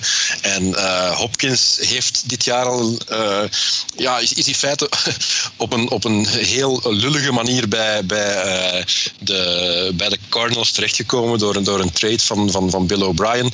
In feite een trade voor, voor, voor twee keer niks, voor, voor een tweede ronde pick en voor, eh, ehm, voor David Johnson. Wat, eh, op zich zijn dat wel assets die, die de moeite waard zijn, maar die Andrew Hopkins, als je ziet wat dat die nu betekent voor de Cardinals elke week, dat is, eh, dat is niet te onderschatten. En, en deze week, ehm, hoe sterk die man zijn, zijn handen zijn en, en de routes die hij loopt. Het is, het is niet de allergrootste atleet, maar die man is technisch eh, zo, zo sterk dat hij eh, ja, die wedstrijd eh, op een hele belangrijke manier heeft, heeft beïnvloed. En ik wil toch nog in, deze wet, in dezelfde wedstrijd een keer een shout-out doen, want Laurens, je hebt in de, in de intro vermeld dat de eerste keer is dat, of dat lang geleden was, dat Antonio Brown en, en Des Bryant nog eens een, een touchdown vingen. Ehm, maar eh, ook, ook Larry Fitzgerald heeft deze week nog een, een keer een touchdown gehaald. Eh, en, en Fitzgerald is misschien wel de, eh, eh, de model citizen van, van, van, van de NFL. Dat is een, eh, een kerel waar je eh, echt naar, naar kan opkijken. Ehm, model, professional eh, op alle vlakken. En ik ben, ben heel blij dat hij ook nog eens zijn, eh, zijn momentje heeft gekregen. Ja, absoluut. En uh, Antonio Brown, Des Bryant en Larry Fitzgerald, die alle drie uh, scoren uh, in één week. De, fantasy team van 2016 die doet heel goed, denk ik. We zullen een keer moeten terugkijken. Um, Frans, wie heb jij gekozen als speler van de week? Ik heb quarterback Justin Herbert van de Chargers gekozen voor zijn winst tegen de Raiders. En niet vergeten dat hij dat eigenlijk allemaal vanuit de pocket doet. Het is echt dus een star in the making. Als je ziet dat hij nu meer 300 yards of meer passing uh, wedstrijden heeft gehad dan uh, Andrew Luck. Die had er zes in 2012 en dat was een record. Heeft hij al gebroken. En hij heeft nu evenveel touchdown passes als Baker Mayfield in 2018. 27. En dat uh, het aantal touchdown passes voor een rookie. Ook in NFL history. Dus dat kan hij ook breken. Dus de combinatie van wat Herbert mij iedere week toont, zorgt er gewoon voor dat ik een absolute believer ben. De Chargers die zijn gewoon vertrokken voor jaren, als ze natuurlijk een nieuwe headcoach kunnen vinden. En, en hij was echt mijn speler van de week. Ja, en als ik dan meteen mag, mag bijspringen. Ik heb gekozen voor Devin White van, um, van Tampa Bay Buccaneers. Um, eigenlijk vooral omdat we heel vaak hier naar de offense kijken als het over de spelers van de week gaat. Maar ja, ik, ik ben heel erg fan van, van Devin White. Um, dit jaar echt wel ja, onbolsterd in zijn tweede jaar. deze week tegen Atlanta 3 sacks, 10 uh, eigen tackles, 2 uh, assists. Dus 12 tackles in totaal. Uh, 4 tackles for loss, 3 QB hits, 2 fumble en 2 pass deflections. Um, dus die was um, ook wel redelijk dominant um, in, in zeker die tweede helft om, om ervoor te zorgen dat um, Atlanta niet uh, meer scoorde en, en dat uh, Tom Brady en zijn, uh, zijn makkers dat wel konden doen. Um, en ik heb ondertussen één dingetje vergeten, maar misschien dat we dat helemaal tot het laatst houden. de fantasy, Tim. Ik kijk vooral naar jou dan. Um, gaan we het eerst doen? Ja, hè? Ja, we hebben een aantal vragen gehad, uh, op, of, of de vraag gesteld op de fantasypagina. Het is dit, dit weekend Super Bowl weekend in fantasy leagues. Dus misschien waren er nog een aantal prangende vragen die, die uh, onze, onze volgers uh, hadden. en we hebben, ik denk dat we die een keer misschien even kunnen overlopen en, en even bespreken wat, wat wij zouden doen. Hè. is dat, is dat oké okay voor jullie? Ja, absoluut. Goed, we hebben een vraag van Klaus de Wolf. Die heeft drie vragen zelfs. Eén, vertrouwen we Keenan Allen opnieuw? Keenan Allen die uh, vorige week uh, ja, een beetje een, uh, die zat met een, met een hamstringblessure. heeft wel gespeeld. Ehm, heeft nog trouwens de laatste vier seizoenen heeft hij geen wedstrijd meer, meer gemist. Na ja, behoorlijk wat blessureleed de eerste, de eerste jaren. Ehm, maar hij heeft daar in feite stevig teleurgesteld. Ehm, met maar één catch voor uh, voor 13 of 15, 17 yards, geloof ik. Dus vertrouwen die opnieuw. Mijn idee is, volg vooral goed zijn, zijn gezondheid op. Als die, als ik weet dat hij vandaag niet, niet getraind heeft, of op zijn, minst, of op zijn hoogst limited was. Dus als die nog steeds van die blessure, die hamstringblessure, last heeft op wanneer, wanneer dit weekend, dan zou ik er toch heel voorzichtig mee zijn en, en uitkijken eventueel naar, naar alternatieven voor zover dat je die kan missen natuurlijk in je, in je Super Bowl. Dan hebben we de vraag Wilson of Ahmed. Uh, Jeffrey Wilson en Salvan Ahmed. Jeffrey Wilson van, van de 49ers en Salvan Ahmed van, van, de, van de Dolphins. Nu, daar is er wel een, um, een belangrijk uh, nieuw gegeven. En dat is dan Miles Gaskin van de, van de Dolphins. Um, net van de COVID-lijst is gehaald. Uh, Gaskin die heeft als late round rookie heeft hij een heel degelijk seizoen gespeeld. En als die effectief terug, terug fit is, valt te vrezen dat Ahmed terug naar zijn, zijn rol als, uh, als uh, bankzitter zal, zal verwezen worden. En uh, natuurlijk Jeffrey Wilson bij de 49ers, daar is, is het zo dat het omgekeerde is gebeurd. Met name dat zijn grootste concurrent Raheem Mostert net voor de zoveelste keer al naar injured reserve is verwezen met een enkel blessure deze keer. Dus daar zou ik toch gaan voor, voor Jeffrey Wilson. En tot slot hebben we de, de vraag Bills of Saints defense. de Saints tegen de Vikings. Uh, spelen uh, bij de Patriots. Um, als ik moet kiezen, ik denk dat alle twee goede opties zijn, omdat ze tegen, beide tegen nogal shaky uh, offenses, shaky quarterback spelen. Maar als het echt aan mij ligt, denk ik dat ik voor, ehm, voor de Bills zou gaan. Wat denken jullie ervan? Ja, ik, eh, ik, ik zie wel de Saints ook wel nog heel graag. eh, vooral die pass rush. Maar eh, ja, Tim, hij is het meer de specialist, dus eh, ik laat het daar niet over. Oké, dan zal dat... Ja. Wat, wat, wat ik er kan bij voegen is, eh, want ja, ik, ik, ik zeg inderdaad, eh, ik weet ook dat Tim is onze resident eh, fantasy guru. Eh, en dat zien we niet alleen aan zijn woorden, maar ook aan zijn daden. Ja. Dat hij meestal ook bovenaan eindigt.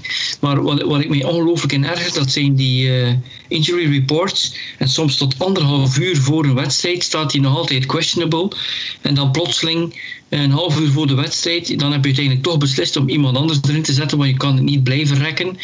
En dan is er gewoon eh, niets aan de hand, kan spelen. Daar erg ik me dus ongelooflijk aan. Eh, dus als je, als, je, als je geen andere alternatieven hebt, dan, dan is het geen probleem. Maar als je dat wel hebt, dan heb je dat gedaan. En dan beklaag je dat. En het andere wat defenses betreft, ik heb dus ongelooflijk veel geluk gehad dit seizoen. Ik had dus eh, eh, ook weer geluisterd naar Tim. Je draft geen kickers en, eh, en defenses die nieuw, die pick je wel ergens op on- along the way. En dan had ik plotseling al mijn defenses of kickers die hadden dan een bye week. En moest ik toevallig, heb ik dan de Dolphins defense en de Dolphins kicker genomen. En die hebben mij dan gewoon weken aan een stuk gelukkig gemaakt. dus fantasy is soms natuurlijk heel veel doordacht, maar is ook soms wel wat geluk hebben. Ja, sowieso. Eh, we gaan naar de volgende vraag. Dat is een vraag van, van Robin Matthijs. Die vraagt eh, om zijn ploeg even door te lichten en te kijken wie, eh, wie op te stellen en wie er, er, eruit te halen. Als ik, als ik de ploeg... En, en je, kan, je kan zijn ploeg bekijken op, op de Facebookpagina van AFCB natuurlijk. Hè. Als je zijn ploeg bekijkt, dan denk ik dat, dat Robin misschien wel een Vikings-fan is. Of, of, en een, en een, een Bills-fan, e- een van beide. Want er zijn opvallend veel spelers van die ploegen in, zijn, in zijn opstelling. Ehm, mocht ik van jou zijn, Robin, ik zou eh, een aantal. eh, ik, ik denk dat ik waarschijnlijk met, met de Sean Watson op quarterback zou gaan. Josh Allen is, is, natuurlijk moeilijk om te benchen, maar ik denk dat het ehm, misschien wel, wel interessanter kan zijn. Eh, de Bills of, of de, de Patriots hebben natuurlijk nog altijd een stevige defense tegen, tegen de quarterback. Eh, dat is een beetje een dubbeltje op zijn kant, maar ik zou in elk geval Kirk Cousins droppen. Eh, die heb je absoluut niet meer, niet meer nodig. En op, op running back dan zien we dat je Mi- Miles Gaskin op de bank hebt zitten. Goed opvolgen wat dat die de komende dagen op training doet. En die eventueel opstellen in plaats van, van Wayne Gallman. Ehm, dan heb je twee Vikings receivers, Adam Thielen en Justin Jefferson, eh, in je starting line-up. Dat zijn natuurlijk niet, eh, niet de minste. Al vind ik het zelf wel een behoorlijk risico om, die, om twee spelers van dezelfde ploeg op te stellen tegen, tegen de Saints defense dan nog. Je hebt daar Antonio Brown nog op de bank zitten.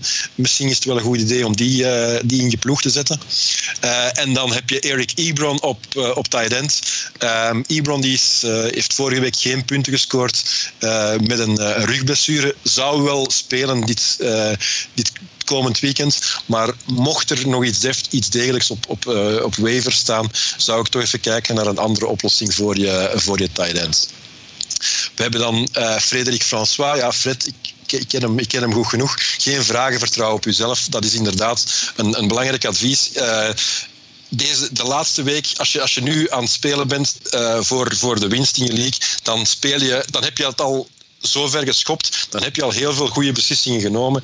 En het is belangrijk dat je inderdaad ehm, op je gevoel eh, voor een groot stuk afgaat. Eh, dat je vooral niet het, het verwijt eh, kan maken achteraf van ha, had ik toch maar gedaan wat ik, wat ik wilde, ondanks het feit dat die of die expert andere dingen zeiden. Dus ehm, naar... naar ehm, eh, eh, evaluatie achteraf op je zelfvertrouwen is inderdaad heel belangrijk. We hebben ook een vraag van, ah, van Dirk van den Berg. Eh, die, die, kennen we, kennen we ook. Eh, en die kijkt al naar volgend seizoen. Eh, onze, onze mederedacteur. Welke rookies kunnen volgend jaar de fantasy-sprong maken, zoals DK Metcalf dit jaar? We hebben een, een behoorlijk sterke rookie class eh, ge- eh, gehad. En ehm, heel veel, of, een, of een, bijvoorbeeld Justin Jefferson, is dit jaar al een, een wide receiver one. Eh, van, van de andere spelers die dat nog niet hebben gedaan, denk ik dat je, ehm, dat je naar eh, twee mannen zeker kan kijken. Uh, dat zijn T. Higgins um, bij, de, bij de Bengals, die terug voltijds een, een, een, een hele goede quarterback tot zijn beschikking gaat krijgen en geen concurrentie meer zal hebben van, um, van AJ Green. Wel een jaar van AJ Green heeft kunnen leren, dus dat is zeker een naam om te onthouden. En dan denk je dat je verder ook CD Lamb niet kan, niet kan vergeten. heeft dit jaar ook al hele mooie zaken laten zien. En ik weet niet of Michael Gallup um, volgend jaar nog bij de Cowboys zal spelen. Maar ik denk dat de rol van, van CD Lamb enkel gaat, uh, gaat groeien. Als Dirk, um, als Dirk uh, vraagt, uh, iets vraagt al voor volgend jaar, dan is het of ofwel zit hij in, niet in de finale van zijn playoffs en is hij al naar volgend jaar aan het kijken, ofwel is het natuurlijk omdat hij ook Dynasty speelt ik denk inderdaad dat, uh, dat het vooral met het oog op dat laatste punt is. Hoewel dat natuurlijk dat je nooit vroeg genoeg kan beginnen met je draft van volgend jaar voor te bereiden. Uh, we hebben nog van Emile een, een vraag uh, over de, de playoff fantasy. dus dus Frans, dat is misschien een vraag die ik, die ik naar jou kan, kan doorschuiven ook. Jij, dat, is, dat, is, iets dat, dat, jij coördineert, geloof ik. Dus welke, wat is de strategie voor dit jaar um, in, in de, de playoff league? Ga je daar um, voor, voor ploegen die, die um, voor de Super Bowl gaan en dus, dus in die Super Bowl vier dubbele punten kunnen scoren? Of ga je daar, bekijk je daar van week tot week? Hoe pak jij dat normaal, uh, normaal aan? En, en welke ploegen zie jij dit jaar uh, als, als optimale keuzes in die playoff league? Maar ja, de optimale keuzes, dat zal waarschijnlijk wel uh, Chiefs uh, Packers zijn. Uh, dus dat zou ik eventueel wel aanraden. Ik heb ook wel gezien, de mensen die dit winnen, in principe zijn ook de mensen die de twee Super Bowl teams in hun team hebben. Omdat je inderdaad zoveel meer uh, score kan hebben. En dan zou je eigenlijk moeten hopen dat je team uh, dat die een team is die niet een van die uh, buys heeft zeker en dan toch uiteindelijk in de Super Bowl belandt. Nu, ik heb ook nog nieuws voor fantasy spelers. Ik heb contact gehad met Eleven Sports en voor alle winnaars van onze leagues en voor de Pick'em en de Survivor en straks ook in de playoffs gaan we iets kunnen uh, hebben we een prijs eh, van Eleven Sports die we gaan mogen delen met de mensen. Dus dat is heel leuk dat we dat nieuws al gehoord hebben. En ze moeten onze Facebookpagina volgen in de volgende weken. En dan zien ze wel wat er hun richting uitkomt. Ja, ik denk dat dat heel, heel fijn is dat we daar nog een extra, een extraatje aan kunnen koppelen voor die winnaars. Er is nog een laatste vraag van, van Jonas. Die, die vraagt of dat we deze week gaan vertrouwen op Watson of we gaan voor, voor Hurts op quarterback. Daar... Um, kunnen, kunnen we weer een beetje strategisch eh, gaan, gaan beginnen denken. Ik denk dat we met Watson een, een vrij veilige keuze maken. Watson is natuurlijk een quarterback met een, met een vrij hoog uh, plafond. Die kan heel hoog scoren. Maar uh, als we Hurts de laatste weken hebben bezig gezien, dan zit die zijn ceiling misschien zelfs nog een beetje, een beetje hoger. En daar moet je dus een beetje kijken naar de rest van je ploeg. Um, hoe, ben jij favoriet in de matchup dat je, dat je voor je hebt liggen? Of, of ga je moeten hopen op een aantal uit uitschieters van je spelers. Uh, ik denk dat beide spelers, in dit geval, het is een luxe om die beide, beide spelers te hebben. Um, maar misschien heeft, als, als je ervan uitgaat dat, dat, dat uh, Hurts het hogere ceiling uh, nog heeft deze week, wetende ook dat de, de Texans uitgeschakeld zijn en weinig meer hebben om voor te spelen. Dus um, ja, misschien is daar toch een klein beetje motivatie niet bij Watson, maar misschien wel bij de coachingstaf minder om hem, echt uh, risico's met hem te gaan nemen. Maar uh, als je ziet dat je, dat je favoriet bent, kan je misschien beter op veilig spelen en, en Watson kiezen. Ben je daarentegen de underdog en heb je een hoge score nodig, dan moet je wat meer risico gaan nemen. En dan is Hurts misschien wel de, uh, de keuze. En kan je ook eens naar de rest van je roster kijken. Zijn er daar ook spelers die meer boom-bust zijn? Um, of of zijn er spelers die, die hun vaste punten meestal halen? En uh, kan, je, kan je beter daarmee gaan. Dat is de keuze dat je dan moet maken. Hangt een beetje af van, van de rest van je roster. En dat waren de, de, vragen die we hebben gekregen. Ik wil nog even een, uh, een, een shout-out ook doen naar, naar uh, co-host Laurens hier. Uh, omdat wij vorige week een, een, een fantasy matchup hebben gehad in de semifinals. En Laurens heeft zich daar als fantasy rookie um, een behoorlijk, behoorlijk geweerd. Het is heel spannend geworden. Dankzij die andere Hopkins onder meer. onder meer dan, dankzij die Andre Hopkins. Josh Allen nog. Ja, het is, ik heb echt uh, behoorlijk, uh, behoorlijk gezweet, maar ik ben toch, toch blij dat ik uh, uiteindelijk de fantasy finale mag gaan spelen tegen, tegen Nicky. Die, laat ons eerlijk zijn, al het hele seizoen domineert. En, en, en ook waarschijnlijk hier de, de favoriet is. Dus ik zal ook in het licht van die laatste vraag mijn, uh, mijn keuzes moeten maken voor mijn team. En onder meer Jalen Hurts staat, uh, staat al opgesteld. Maar de Sean Watson ook. Het is yep. een, een, een, beetje bijzondere league met drie quarterbacks die je kan opstellen. Maar uh, nee. Hurts speelt in elk geval. Ja, en uh, dan ga ik uh, een beetje proberen rushen, want de Tide 60 die is ondertussen al uh, een beetje een loose 60 geworden. We zitten aan 1,20 bijna, 1,18 om precies te zijn. Dus we gaan nog snel even uitkijken naar volgende week. Frans, naar wat kijk jij uit volgende week? Uh, Colts at Steelers. Ik denk dat dat een laatste rondje Rivers uh, tegen Roethlisberger is. Ik, ik, hoor dat hij misschien nog een jaartje wil doen, maar voor mij is dat het einde van een era. Rivers 419 touchdowns. Die kan met uh, twee touchdowns over Dan Marino springen. dan wordt hij vierde of vijfde in de, in, in de lijst. Alle, alle spelers voor hem zitten in de Hall of Fame of komen erin. Dus ik denk dat, dat dit een, een echte old school battle zou kunnen zijn tussen uh, twee quarterbacks die al heel wat bewezen hebben en één die uh, misschien ook nog dit jaar zou willen proberen om er een Super Bowl uit te halen. Dus uh, daar kijk ik naar uit. Tim? Voor mij is het verwachte hoogtepunt van, van de week de, de, Sunday Night Football game tussen de Titans en, en de Packers. het, zijn, zijn twee topploegen met een, beide een, een zeer, zeer goede offense en een iets wat questionable defense. Dus ik verwacht daar een offense of een wedstrijd met, met heel, veel, heel veel punten. Um, uh, een Rodgers die ongetwijfeld uit zijn, uit, zijn beste vat zal, zal moeten tappen om, uh, om Derrick Henry aan de andere kant ehm, bij, bij te houden. Ik denk dat dat een hele mooie wedstrijd, of een heel, wedstrijd met heel veel punten kan, kan worden. Ja, en ik ga nog uh, voor de wedstrijd die daarna volgt op uh, Monday Night Football uh, wordt gespeeld. Daarvoor ga ik kiezen de Bills tegen de Patriots.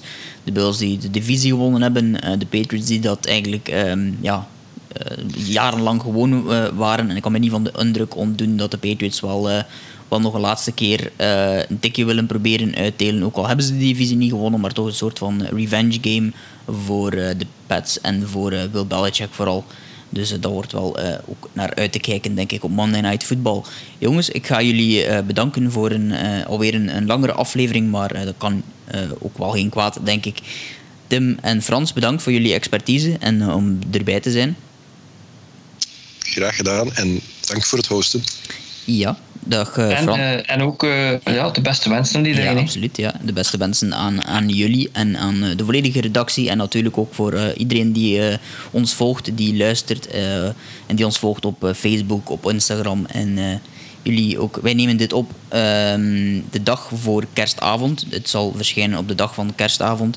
Um, dus uh, met veel plezier, uh, misschien nog net voor het uh, kerstmaal even naar deze podcast luisteren. En als het kerstmis al gepasseerd is, is er nog een, een 2021 zonder alles wat er gebeurd is in 2020. Laten we het daarop houden. Dus dank u wel en tot de volgende.